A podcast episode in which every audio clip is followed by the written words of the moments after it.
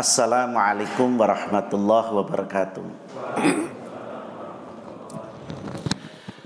Alhamdulillahilladzi wa kafa Salatu wassalamu ala nabiyil mustafa Wa ala alihi wa sahbihi wa man ittaba'a Raditu billahi rabba wa bil islami dina Wa bi muhammadin nabiyya wa rasula Rabbi zidni ilma warzuqni fahma amin amma ba'd Jamaah subuh rahimakumullah sebagaimana tema yang sudah disampaikan dan sudah di-share mungkin di grup WA ya. Insya Allah hikmah membawa rahmah. Saya kenapa merubah judul ini karena sebelumnya saya melihat ada judul yang hampir sama disampaikan oleh Ustadz uh, Rafiq Anhar. Ya. Jadi saya mengambil tema yang agak berbeda tetapi intinya insya Allah hakikatnya mungkin sama. Ya.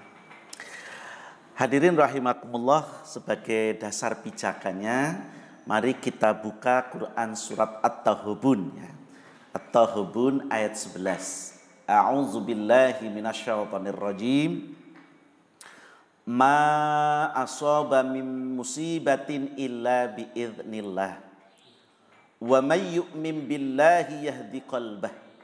Wallahu bikulli syai'in alim tidak ada suatu musibah pun yang menimpa seseorang kecuali dengan izin Allah. Dan barang siapa yang beriman kepada Allah, niscaya dia akan memberi petunjuk kepada hatinya dan Allah Maha mengetahui segala sesuatu. Ketika kita menilik mengkaji ayat ini, tentu mari kita mencoba mengkaitkan ya dengan kondisi dan kejadian yang sekarang kita alami wa ma musibatin illa biidnillah. Tidak ada satupun musibah yang menimpa seseorang kecuali dengan izin Allah. Kalau dalam ayat yang lain dikatakan wa ma romaitu id romaita walakinallaha roma. Ketika seseorang melemparkan batu kepada orang lain hingga mengenai orang tersebut, bukan orang itu hakikatnya yang melempar, tetapi Allah lah. Nah, berarti seseorang dilempar batu kena mungkin sampai mencenot itu ya karena hakikatnya Allah yang melemparnya, gitu ya. Hanya Allah meminjam tangan hambanya.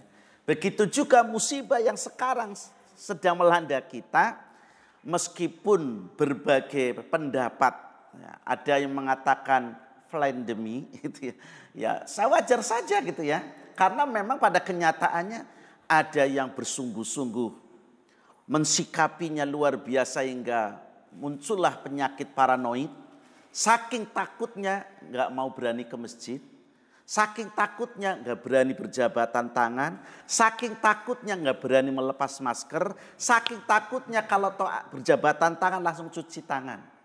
Berarti yang lainnya najis itu ya. Iya nggak saudara? Nah ini ini salah satu contoh kalau kita. Jadi oleh karena itu, kalau kita melihat situasi yang seperti ini ya jangan kemudian wah ini rekayasa manusia Betul, andekan itu ada pun jika Allah tidak mengizinkan juga tidak akan terjadi. Gitu. Jadi karena itulah hadirin kita ketika mensikapi, ya, ketika kita mensikapi kejadian yang seperti ini, umat Islam itu mestinya harus menggunakan kaidah berpikir itu tiga hal. Menggunakan kaidah berpikirnya tiga hal. Satu, dengan pendekatan bayani. Dua, dengan pendekatan irfani, tiga dengan pendekatan burhani. Apa itu metode berpikir dengan pendekatan bayani? Ya kita tetap berpikir tapi pendekatannya bagaimana Al-Quran dan bagaimana ilmu fikih, ilmu-ilmu kalam ketika membahas tentang situasi kejadian itu. Jangan kemudian dikedepankan itu burhaninya, akal pikirannya. Lah kita ini kan hampir-hampir ketika ada musibah mesti yang pertama didepankan itu akal. Ada yang mau mungkin ini Allah murka. Itu kan berarti kan sudah seolah-olah kebencian. Padahal tidak semua yang Allah turunkan berupa musibah, ujian ataupun bencana belum tentu karena kemurkaan Allah, belum tentu.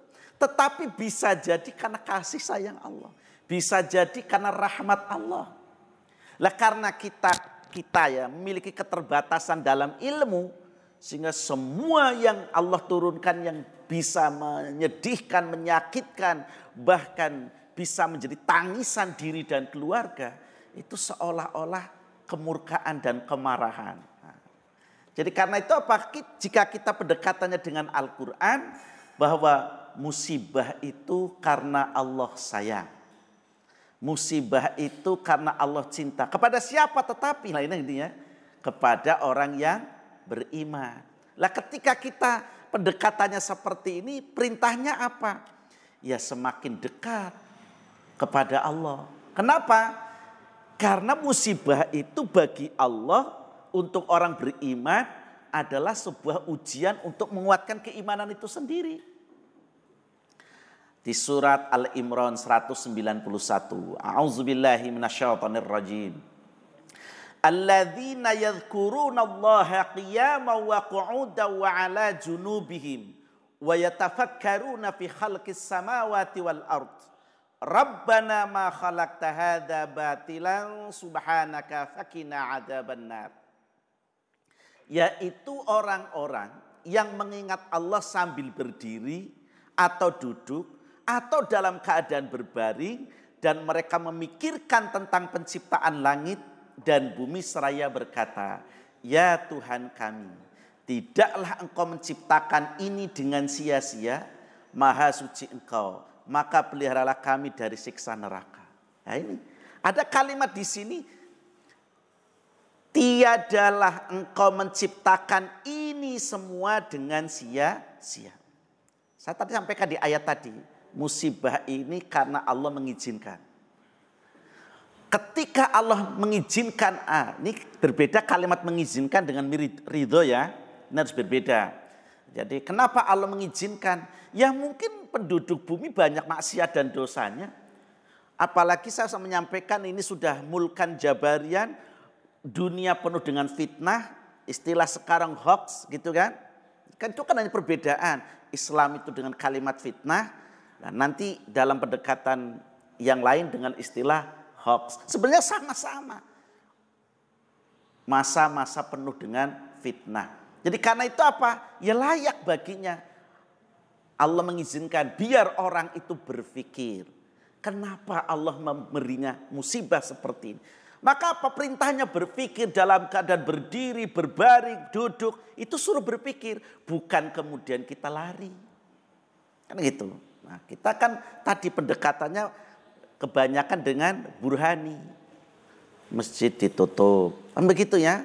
Lah padahal yang namanya membubarkan jamaah itu paling gampang Pak tulisan dipasang, tutup masjid, bubar. Tapi juga sekarang mendatangkan kayak gini, butuh berapa waktu. Sudah disajikan kopi saja, padahal kan ngopi di luar kan bayar ya. 25 ribu gitu kan. Terus ngetoknya duit, tetapi orang lihat apa-apa. Mungkin mubah, mungkin juga banyak juga bisa saja kemaksiatan. Karena apa? Kalau yang muda-muda macam saya, kalau kongko-kongko bisa sambil cuci mata kan ya. Ya, kalau jenengan kan insya Allah ya sama ya. Begitu. Tapi di masjid kita sudah medan gratis gitu ya. Hanya modal mendengarkan. Anggris bosen yang karo ngantuk lah api-api ruang kelas ngapa gitu. Kan begitu. Nah, jadi kita terkadang karena tidak memprioritaskan eh, pendekatan Quraninya akibatnya kita meninggalkan robnya. Padahal mohon maaf, banyak orang yang betul-betul paranoid. Diajak salaman tidak mau. Bahkan masih ada yang tidak mau ke masjid sama sekali. Jika Allah mengizinkan kena, kena enggak? Kena. Lah, kan kalau ngerti ya seperti ini saya ke masjid saja kan begitu. Yang ada kan cuma penyesalan. Kalau ngerti ya yang ini kena covid ya lebih baik saya seperti yang lain sajalah ke masjid itu ya ya ke masjid kena covid, tidak ke masjid juga kena covid. Faktanya ada dan banyak, termasuk ibu mertua saya. Sudah beli tiket mau ke Singapura. Oh nggak jadi, lagi rame sana COVID. Tinggallah dia di rumah. Anak-anak dan cucu berangkat. Yang kena COVID dulu justru ibu mertua. Maka apa? Jangan berprasangka buruk dengan Allah. Itu namanya dengan pendekatan Qurani, dengan pendekatan hadis. Jadi makanya suruh ingat kepada Allah. Itu pendekatan baik. Yang kedua pendekatan irfani adalah metode berpikir dengan berlandaskan pendekatan dan pengalaman langsung atas realitas spiritual keagamaan. Jadi maksudnya kolbunya dipakai gitu loh hatinya. Itu ya. E, jadi ada orang kan saking cintanya kepada Allah kematian tidak menjadi sesuatu yang ditakuti. Kalau kita kan masih takut ya. Ya kalau kita mati kasihan istri Yasin Noman begitu, kasihan anak lo. Kenapa tidak kasihan pada diri? Kan begitu. Nah, ini karena masih menggunakan pendekatan akal, tidak dengan pendekatan hati. Padahal jenengan takut yang mesti mati, tidak takut juga mesti mati. Gitu loh. Bahasanya ke masjid anak corona, di rumah juga ada corona. Kan begitu? Sama. Maka apa? Bagi orang yang punya keyakinan dengan hati yang kuat, maka apa? Corona adalah bagian daripada ujian untuk kita. Tinggal bagaimana kita mensikapi, gitu loh. Karena di Perancis para nakesnya malah sudah melempar seragamnya pak. Ah begitu ya. Jadi kan memang sulit ini ya. Sing bener siapa begitu kan jadi pertanyaannya demikian. Ya silakan itu dibuka. Jadi bagi orang-orang yang sangat dekat dengan robnya, dengan pendekatan hatinya, maka kekuatan hati akan mengalahkan akal pikirannya. Karena memang mestinya hati ini mengontrol akal pikiran dan jasad ini. Gitu ya. Jangan pikiran yang mengontrol hati. Gitu. Nah akibat seringnya kita di, yang mengontrol adalah dengan akalnya, maka sering kali padu, sering kali berprasangka buruk, gitu ya. Karena apa? Yang di, yang diprioritaskan akalnya daripada hatinya, ya. Ini hati-hati. Yang ketiga dengan pendekatan burhani, ya, metode berpikir berdasarkan runtunan nalar logika dan melahirkan ilmu-ilmu praktis dalam kehidupan manusia seperti ilmu logika, ilmu fisika, ilmu kimia menempatkan akal dalam posisi yang tinggi dan sangat menekankan proses serta peranan analisis rasional. Ya, contohnya ini ada corona, ada. Akalnya kita pakai. Apa? Ya, silakan pakai masker sebagai upaya, begitu ya, sebagai upaya. Tetapi juga jangan memaksa. Sampai nggak yang tidak pakai masker pendekatan hatinya kuat nganggo masker bikin kena kok nganti ngece ini kan begitu ya. Masalahnya gitu. Cuci tangan sudah. Gitu ya. Pakai masker sudah. Tidak jabat tangan sudah. Vaksin sudah. Kena nggak? Kena. Coba akalnya akhirnya kan nggak dipakai kan lo ngerti koyong ini rasa ngapa-ngapa ngapa. Makanya itulah tadi. Jadi jangan juga memaksa orang lain harus mengikuti kemauan diri karena apa? Ya orang punya keyakinan yang berbeda-beda. Tetapi yang kemudian menggunakan logika, ya monggo memang pengetahuannya berbeda-beda. Cuman yang ngaji gitu loh. Kan begitu masalah, ya ngaji ben ngerti. Makanya dikatakan mayuritillah bi khairan yufaqihu fiddin. Maka orang yang diberi petunjuk oleh Allah itu akan dimudahkan dalam persoalan agama. Dilaloh ngaji ya seneng gitu ya. Apalagi ngopi gratis. Itu mesti seneng lah Pak. Karena di mana-mana dicari yang seperti itu. Apalagi zaman lagi sengsara kayak gini gitu. Sayangnya orang senake. Kan begitu mungkin munculnya. Jadi menguatkanlah keimanan yang pertama. Konsekuensi beriman itu mesti diuji Pak. Mesti akan diuji. Ya macam-macam. Hanya secara kebetulan ujiannya seragam. Kan ini kan yang sekarang ini. Ya, tetapi di balik ujian seragam masih ada ujian di keluarga. Kan begitu, mesti berbeda-beda. Maka di Al-Ankabut ayat 2, ahasiban nasu ayyutraku ayyakulu amana wa hum la.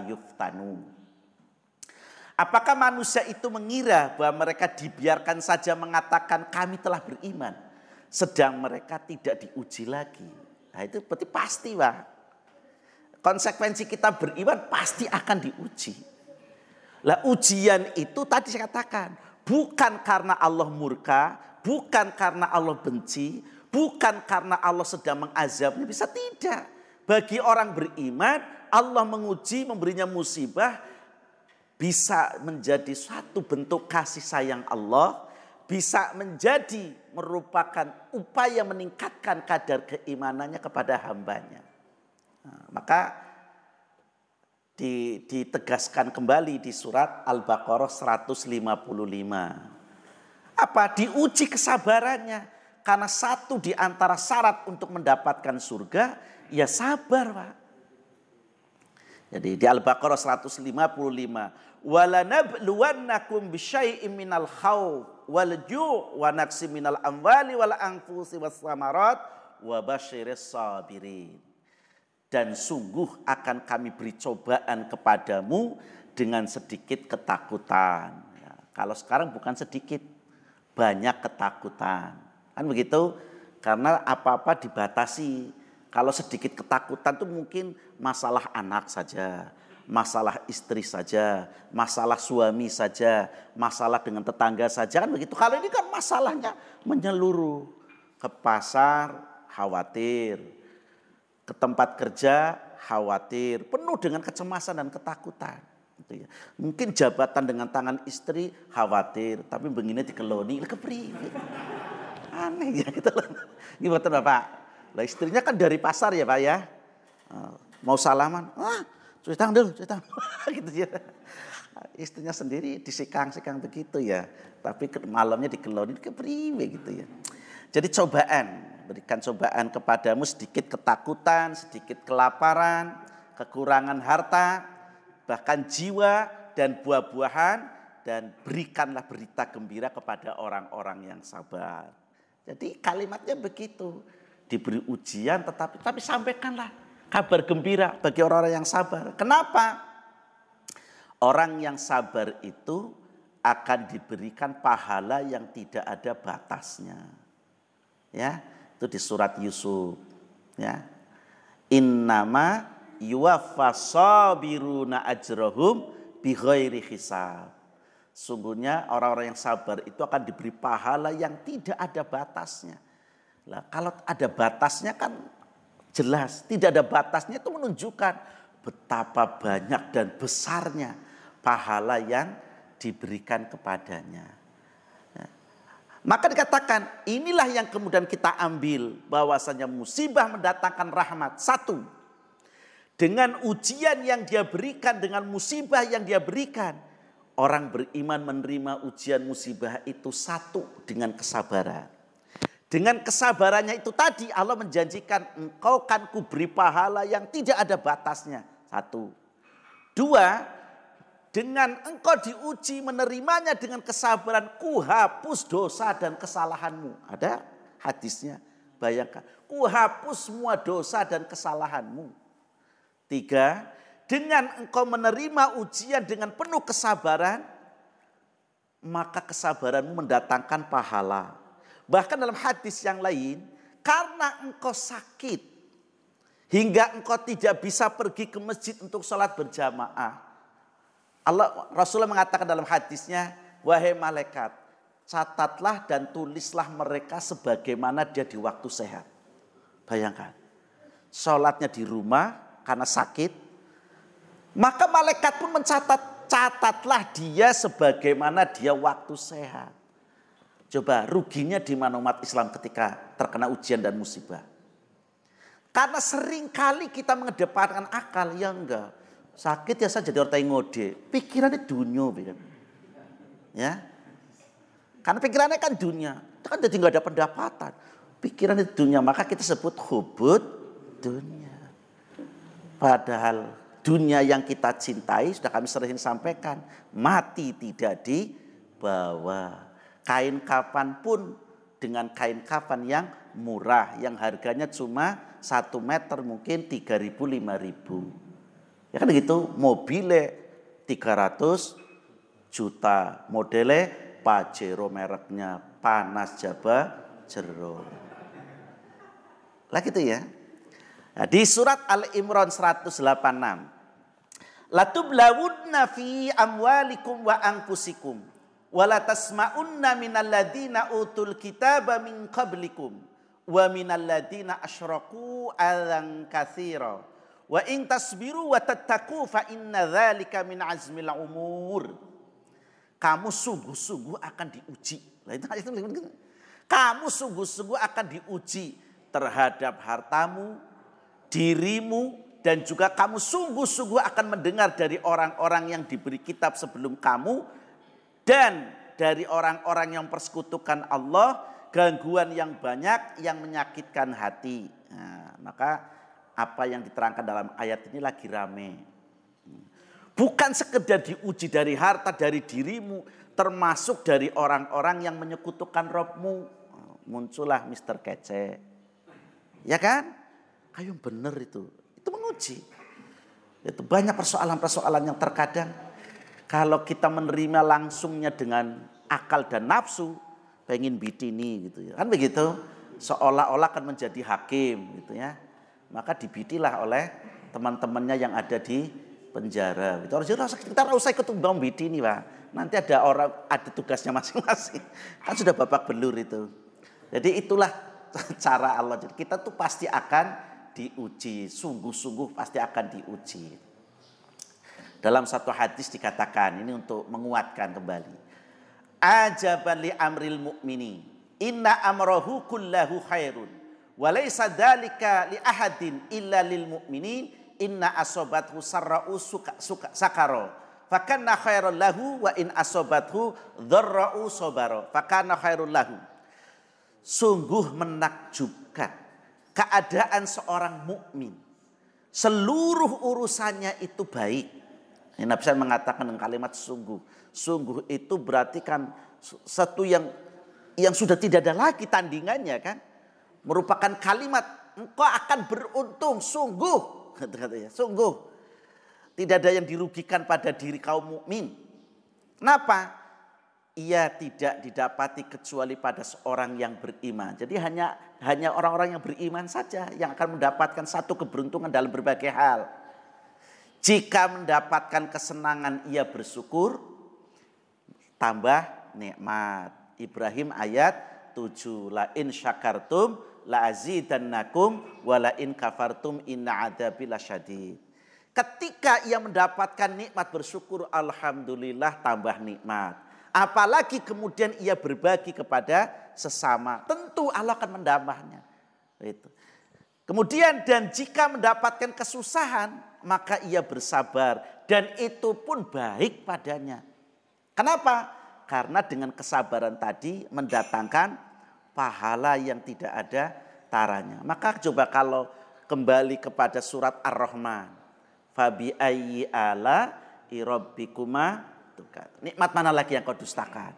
Walaupun engkau sakit, untukmu juga nikmat berupa ampunan Allah, pahala dari Allah. Kan begitu. Ruginya di mana? Gitu. Tidak ada yang rugi itu ya. Oleh karena itu syariat aturan mengajarkan kepada kita ketika ada musibah ya hanya kalimat istirja inna lillahi wa inna ilaihi raji'un. Allahumma aj, Allahumma ajirni fi musibati wahlufli khairam minha. Sungguhnya kami adalah milik Allah dan sungguh hanya kepadanya kami akan kembali. Maka apa ya Allah, karuniakanlah kepadaku pahala dalam musibah yang menimpaku dan berilah aku ganti yang lebih baik daripadanya. Itu doanya seperti itu. Bahkan mungkin kalau kita takziah jika seorang suami ditinggal istri ya begitu kalimatnya. Innalillahi wa inna ilaihi rajiun. Allahumma ajirni fi musibati wa hlufli minha. Ya. Angger istrinya ngerti tangi maning. Itu. Harus diberi ganti dengan bocah sing luwih apik. Kenapa dengan? Dan dilalok pada barang ngerti ini ya bahasa Arab ya jadi ya amin, amin. Apa gitu saja ya. ya itu ajaran Allah dan Rasulnya kan. Bukan itu ajaran buatan kita, itu ajaran Allah dan Rasulnya begitu. Ketika engkau terkena musibah, kembalikan kepada Allah dan Allah akan menggantinya dengan ganti yang lebih bagus. Apalagi tadi kalau kaum Adam ditinggal mesti bojo mani gitu. Orang ditinggal bagian masih pelirak-pelirik ke mana-mana begitu ya. Nyongta ya orang gitu. itu apalagi ditinggal. Jadi karena itu nggak usah gelisah-gelisah itu Ustadz namanya nggak sayang dengan istri. Uh, bukan tidak sayang dengan istri, justru karena sayang dengan Allah, dengan ajalnya, dengan syariatnya. Ya syariatnya kan kami sampaikan. Ya di takbir kedua dalam sholat zanazah. Kan begitu. Allahumma firlahu warhamhu wa afihi wa fu'anhu wa akrim nuzulahu wa wasi' madholahu wa silhu bil wa salji wa nakihi minal khotoya kama yunaqas sawbul abiyadu minad danas wabdilhu daron khairon min darihi wa ahlan khairon min ahlihi ya Allah gantilah keluarganya dengan keluarga sing luwih apik jadi bisa jadi keluarga sini dunia elek-elek ya kan bahkan lanjut wa zauzan khairon min zauzi gantilah bojone dengan bojo sing lebih ayu kepriwe coba. Kuwi lagi sholat jenazah lho, Pak. Lah bojone sing salati krungu, Mbok. Itu contoh sih kadang-kadang. Ya ternyata syariat ini kalau kita kaji dan pelajari dengan baik itu jadi nggak ada yang merugikan kan? Menguntungkan ya. Ini hadisnya Muslim tadi ya. Tentang doa tadi. Yang kedua mengangkat derajat dan menghapus dosa. Ya, mengangkat derajat dan menghapus dosa. Itu di surat Al-Anbiya 8384. Wa ayyuba idnada rabbahu anni wa anta arhamur rahimin. Fastajabna lahu fakashafna ma bihi min dhurri wa atainahu ahlahu wa mislahum ma'ahum rahmatan min indina wa. Dan ingatlah kisah Ayub ketika ia menyeru Tuhannya, ya Tuhanku sesungguhnya aku telah ditimpa penyakit dan engkau adalah Tuhan yang maha penyayang di antara semua penyayang. Maka kami pun memperkenankan seruan itu, lalu kami lenyapkan penyakit yang ada padanya, dan kami kembalikan keluarganya kepadanya, dan kami lipat gandakan bilangan mereka, sebagai satu rahmat dari sisi kami dan untuk menjadi peringatan bagi semua yang menyembah Allah. Ini maksudnya kalau bicara ayat ini, kalau bicara terjemahnya orang nyambung Pak. Tapi harus bicara sejarah Nabi Ayub. Kan gitu. Nabi Ayub itu kan taatnya kepada Allah luar biasa. Saking taatnya kepada Allah, Allah pun memuji kepada para setan, para iblis. Tuh lihat Ayub. Lah Allah protes. Ya patut Nabi Ayub itu tunduk taat kepada engkau Allah. Emang kenapa? Istrinya oke. Okay. Ya gitu. Jadi setan karena menggunakan akal kan. Istrinya oke. Okay. Anaknya banyak. Ternaknya banyak. Pertaniannya luar biasa. Patut kalau dia taat. Lalu maumu coba kalau istrinya pada minta cerai. Anaknya tidak ada hartanya habis, ternaknya habis, apakah dia tetap akan taat? Dan itu jangan seperti itu sebabnya. Allah mengizinkan dalam satu malam seluruh tanaman-tanamannya hangus, busuk. Dalam satu malam ternaknya mati semua. Dalam waktu yang berurutan anaknya mati semua. Sudah dalam keadaan tetap taat. Ya kan baru anak dirinya belum. Apa maumu? Coba dia dikasih sakit, tidak mungkin dia taat. Diberilah dia sakit dan sakitnya 8 tahun. Kita kalau corona sudah berapa tahun Pak? Satu setengah ya, yang hampir dua tahun. Isinya mau ngeluh, ngeluh itu, berong tahun. Uripes birang tahun. Tapi ya memang innal insana khuliko halua. Memang kita ke senengnya yang ngeluh. Gitu. Senangnya ngeluh gitu ya. Kasih rezeki banyak karena melihat yang lain, ah, nembes semene. Kan begitu? Ya ngeluh gitu loh. Dikasih istri cantik, melihat tangga sebelahnya ternyata lebih subur. Uh, bahenol. Ya. Masya Allah istrinya mengeluh dan mengeluh terus. Kapan gitu ya. Makanya dikatakan. Man aroda dunia fa'alaihi bil ilmi. Hanya orang-orang yang berilmu lah yang akan bahagia di dunia. Dan di akhirat pun hanya orang-orang yang berilmu. Makanya ngaji gitu lah. Makanya ngaji insya Allah bahagia. Kita lanjut cerita Nabi Ayub. Ketika Ayub diberi sakit, harapannya setan iblis itu Ayub tidak taat beribadah pada Allah. Tapi kan ternyata apa? Mulai ya masyarakat saja musir, apalagi istrinya. Satu persatu istrinya meninggalkan bau. Dia duit orang, kayak gitu bau meninggalkan satu persatu. Maka saya menyarankan pada bapak-bapak, istri yang tetap akan setia adalah istri yang pertama. Orang sambo mani. Bukan saya melarang, gitu ya. Karena fakta Nabi Ayub yang tetap setia mendampingi sampai dia sakit 8 tahun loh. Yang setia itu istri yang berapa? Yang pertama. Gitu. Makanya panjenengan bisa lihat orang yang ketika lagi mabuk asmara, wuh domongis kayak apa sulitnya minta ampun. Tetapi nanti kalau sudah remuk hancur, kembali kepada istri yang pertama dan istri yang pertama tetap menerima dengan lapang dada. Ya enggak Pak? Itulah kesetiaan istri yang pertama. Maka jadikanlah istrimu yang pertama tetap menjadi yang pertama. Ya itu yang istri yang lain itu meninggalkan Nabi Ayub loh. Wisarata yang ngode, jadi pan-panan. Lah kita ngomong sakit kan nggak bisa ngode tetap makan ya kita, Mbak sorotai orolih ngode perutnya kudu diisi terus itu yang orang ngasih duit tidak dikasih makan ngajak padu istri kan begitu? Ah selautnya kayak gini. Nah, untuk istrinya setia. Coba kalau istrinya tidak setia dia menggunakan akalnya. Dia pakai piring. Ya mau ngerti piring dilempar gitu.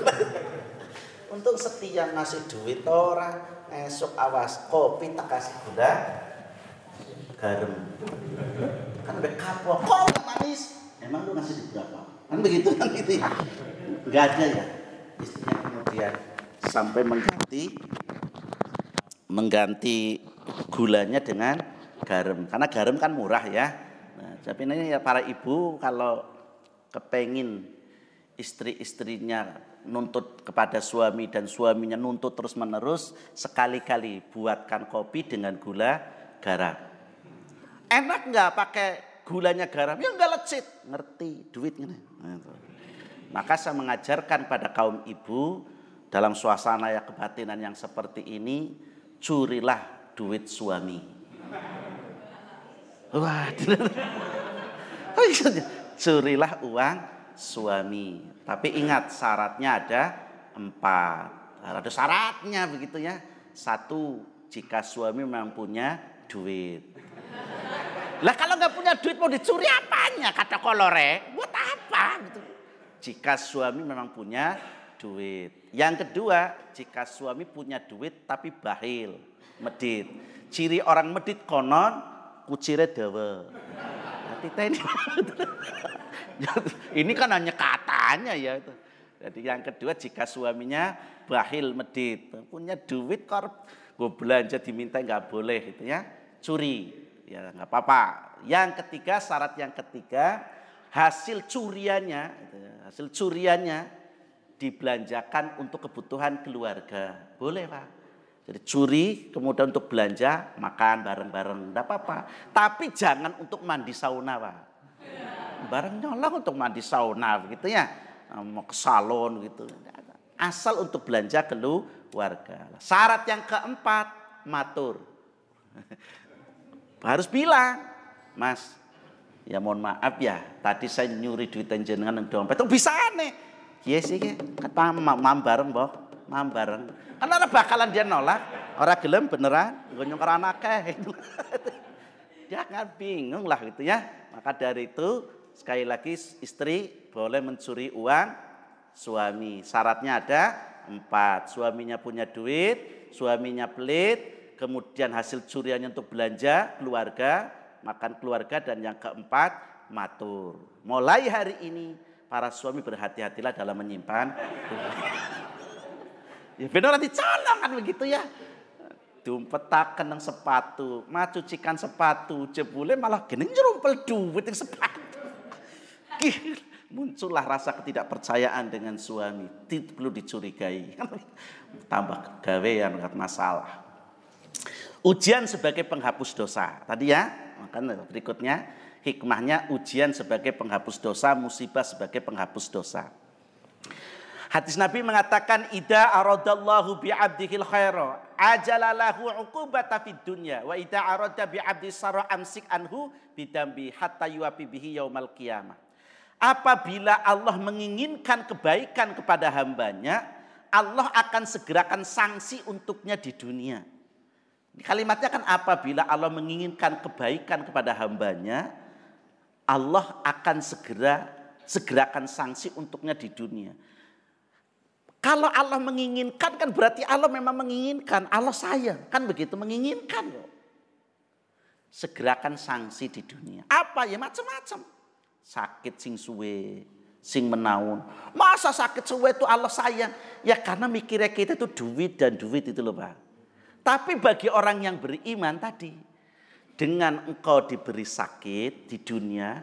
Maka besok engkau masuk ke liang kubur besok masuk ke padang mahsyar, engkau tidak akan menerima siksaan yang tak terperi. Jadi yang sehat-sehat itu hati-hati gitu. Begitu. Iya. Karena apa? Akan kulipat gandakan sakitnya besok di akhirat terkemudian kuburan.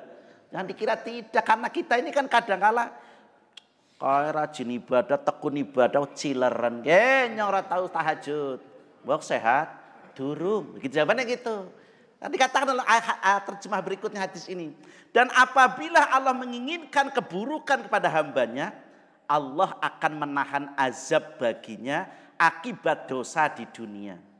Sampai Allah membalasnya dengan sempurna pada hari kiamat bayina.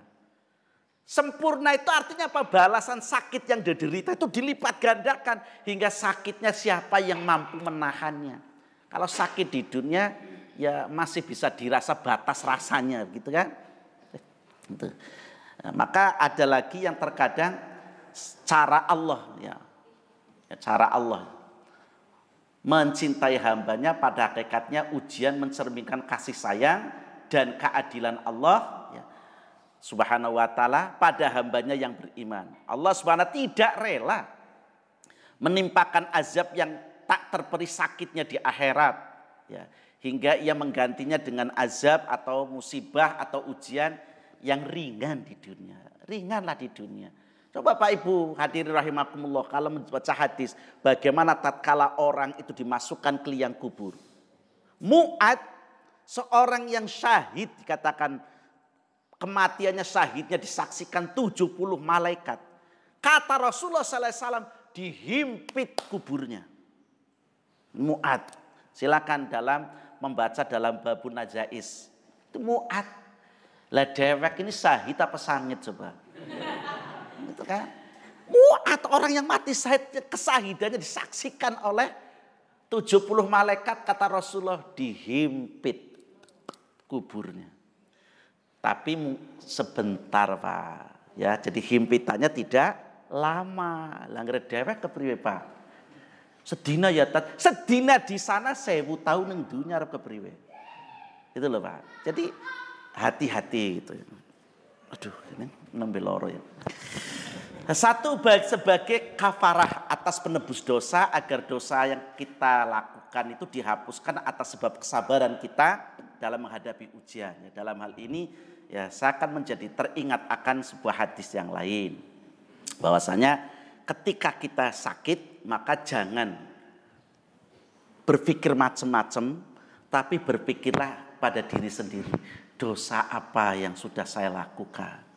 Dosa apa yang sudah saya perbuat? Astagfirullahaladzim itu saja. Karena apa? Dengan itu istighfarnya menghapus dosa. Kan begitu? Kemudian kita lebih banyak mengingat akan robnya. Rasulullah SAW bersabda tidaklah seorang muslim yang tertimpa gangguan berupa penyakit atau semacamnya kecuali Allah akan menggugurkan bersama dengan dosa-dosanya sebagaimana pohon yang menggugurkan daunnya. Jadi ketika orang sakit itu digambarkan seperti pohon yang rindang, kemudian tertimpa angin, habis semua daun-daunnya, itulah cara Allah menyayangi hambanya. Jadi maka dari itu kalau diterima sakit ya, Ustadz Sa'roni ya, tidak usah mengeluh. Itu terima Alhamdulillah. Hapuslah dosa saya. Ya karena betapapun kesalahan-kesalahan kita ini kan kalau kita mau menghitung sebenarnya banyak. Karena kesombongan kita saja kadang dosaku apa kayak gitu kan kayong yayahan gere malaikat Israel tekak bidi ini kayak gitu ya ini karena kesombongan dan keangkuhan hati kita saja seolah-olah merasa bersih. Yang berikutnya tanda cinta dan kebaikan Allah. Tadi dikatakan ida aradallahu bi abdi khairan istakmalhu kila ma yastakmalhu qala yaftahu lahu amalan salihina yadaihi mautahu hatta yaradu alaihi min haulihi. Apabila Allah menginginkan kebaikan kepada seorang hamba, Allah jadikan ia beramal. Menginginkan kebaikan kepada seorang hamba, Allah jadikan ia beramal. Lalu para sahabat bertanya, apa yang dimaksud dijadikan dia beramal? Maka Rasulullah SAW bersabda, dibukakan untuknya amal soleh sebelum meninggalnya sehingga orang-orang yang berada di sekitarnya itu ridho kepadanya. Jadi Gambangannya begini Pak, andekan kita ini ngerti akhir di akhir penghujung kita ini dilalah di, diberi kasih sayang Allah melakukan kebaikan. Ya masa muda ini bejut-bejut aja nggak apa-apa gitu loh. Tapi kan kita nggak tahu gitu loh pak. Maka Allah kadang-kala gini ada orang mohon maaf ini kejadian loh pak nyata. Saya akan disebutkan namanya dan tempatnya tuh ada jelas ya. Mohon maaf orang itu nggak pernah sholat. Karena konon keturunan PKI. Masya Allah menjelang tiga bulan meninggal selalu jamaah ke masjid itu Selalu datang jamaah ke masjid dan selalu dahulu. Tinggal tiga bulan Pak. Lah setelah dia meninggal orang kan jadi berkomentar. Masya Allah kok di penghujung akhir kok dia mendapatkan hidayah. Kan begitu. Jadi karena saya sebenarnya menyampaikan di hadapan Allah itu bukan dulu Bukan sekarang, tapi bagaimana akhir kita. Gitu loh. Maka pada kajian depan kita akan bahas, lah bagaimana Pak dengan dengan Covid ini saudaraku jadi mati. Lah itu topik bahasanya akan depan. Taun itu wabah atau uh, corona itu to, to, wabah atau taun. Itu nanti pertemuan yang akan datang. Inna idomal zaza'a ma'a idomil balai wa inna allaha idha haba qawmab ibtalahum faman rodiya falahu ridho wa man sahita falahu sahotu. Sesungguhnya besarnya pahala itu sesuai dengan besarnya ujian. Nah, itu tadi. Semakin berat ujian yang Allah berikan pada kita, semakin besar pula pahala yang kita terima.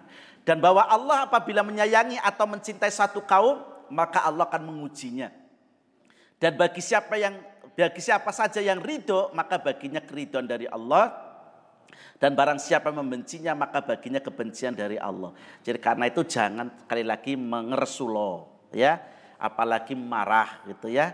Padahal mohon maaf, kalau sakit tuh biasanya malam-malam udah tersinggung ya, Ustadz Sahroni ya. Ngertinya besar teh apa Loh, kayak gitu. Duh, bojone kita neraka apa surga kayak gitu.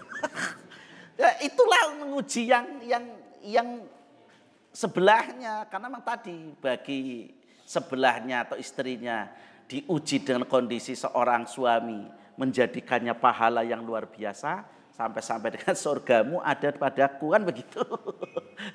Tapi jangan untuk ancaman ya kaum laki-laki ini kadang-kala kaum laki-laki sok menyalahgunakan wewenang. Surga mungkin anakku kayu mesti tiap lebung surga ngancam-ngancam. Hadis riwayat Tirmidzi nomor hadis 2397 dan Ibnu Majah nomor hadis 4031. Yaitu pahala tidak terbatas ya di surat Az-Zumar, maaf surat Az-Zumar saja belum menyebutkan ya. Surat Az-Zumar ayat 10.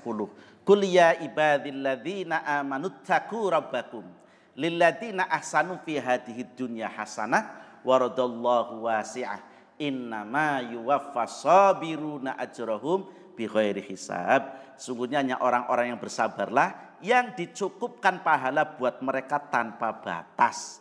Eh, sekarang dibuka Az-Zumar ayat 10. Saya memotong ayatnya. Kemudian di surat Pusilat 35 wa ma yulaqqaha illalladzina sabaru wa ma yulaqqaha illa azim. Sifat-sifat yang baik itu tidak dianugerahkan melainkan kepada orang yang sabar. Berarti ketika orang itu menjadi orang yang sabar, Allah memberinya sifat-sifat yang baik. Gitu ya. Dan tidak dianugerahkan melainkan kepada orang-orang yang mempunyai keuntungan yang besar. Bayangkan. Sudah diberinya kebaikan akan mendapatkan keuntungan yang besar. Jadi saya mengilustrasikan begini. Ketika sakit yang Allah berikan mungkin lama, mungkin dosanya iso saja kebanyakan. Itu Pak. Maka Allah kurangi bertahap demi tahap Bahkan cara Allah sampai mencabut nyawanya pun hingga yang dia cabut tidak terasa. Kan begitu. Ya karena kita kadang-kala kan kepenak banget sih ayah matinya teksek. Jadi kita nggak ngerti gitu loh. Padahal Allah akan menyempurnakan sakitnya itu nanti azabnya. Begitu loh. Kita kadang-kala menggunakannya logika. Bagi ahli maksiat kok matinya teksek. Tabak mobil kan teksek ya. Tek mati. Penak temen ya. Allah akan menyempurnakan azab di kuburnya begitu loh. Jadi justru cara Allah mencabut orang yang soleh itu sampai tak terasa. Dia lagi berjalan ke masjid sesungguhnya sedang dicabut. Seperti ketua MUI Tangerang Selatan. Kan lagi mimpin rapat itu ya jagongan begini. Kayak gitu lah meninggal gitu loh itu ya mungkin dia lagi dari rumah itu mungkin sudah dicabut. Saking tidak terasanya dia tetap jalan saja menghadiri rapat itu loh. Nah jadi jangan sekali-kali menganggap enak banget ya teksek orang ngerti gitu ya. Anggaran ngerti selanjutnya ya tidak mungkin akan komen seperti itu. Demikian ya hadirin. Asalnya waktu 15 menit untuk perjalanan. Mohon dimaaf. Nasru minallah wa fathun qarib. Wa minkum. Assalamualaikum warahmatullahi wabarakatuh